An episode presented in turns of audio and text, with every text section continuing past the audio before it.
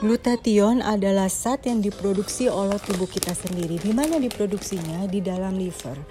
Dan pada saat kita mulai menginjak usia 20 tahun bahkan kurang karena faktor polusi dan asupan, glutathione sudah tidak diproduksi lagi oleh tubuh.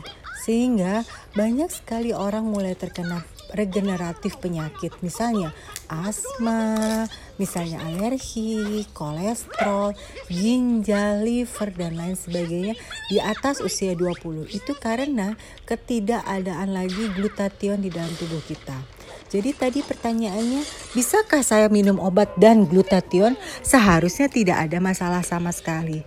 Cuman kalau yang masih ada ketakutan biasanya yang diperbaiki adalah mindnya dulu.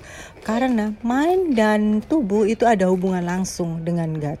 Jadi kalau mindnya masih menolak, otomatis obat-obatan yang kita atau suplemen yang kita konsumsi tidak akan bermanfaat sama sekali. Tapi secara logika, glutathione kalau tidak cocok dengan obat-obatan yang kita konsumsi, ya udah dari dulu-dulu mungkin kita akan uh, apa ya? Uh, akan mati karena ya glutathione itulah sebetulnya zat yang penting banget ada dalam tubuh kita. Lalu uh, bagi penderita, bagi penderita asma, biasanya saya akan usulkan adalah pakai deh NAC dulu.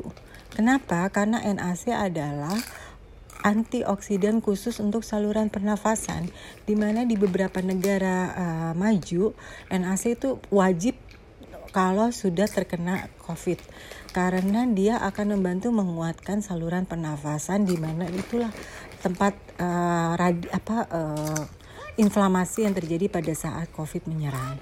Jadi kalau uh, saya nggak tahu ya saya rasanya udah sering sekali mengusulkan Ibu Uti untuk menggunakan probiot uh, NAC, tapi sepertinya belum pernah di uh, dilaksanakan ya. Jadi usul saya dicoba saja karena um, harusnya suplemen-suplemen ini tidak ada kontraindikasi dengan obat-obatan yang digunakan. Tapi Jangan salah, tubuh bisa menolak karena mind tidak siap. Terima kasih.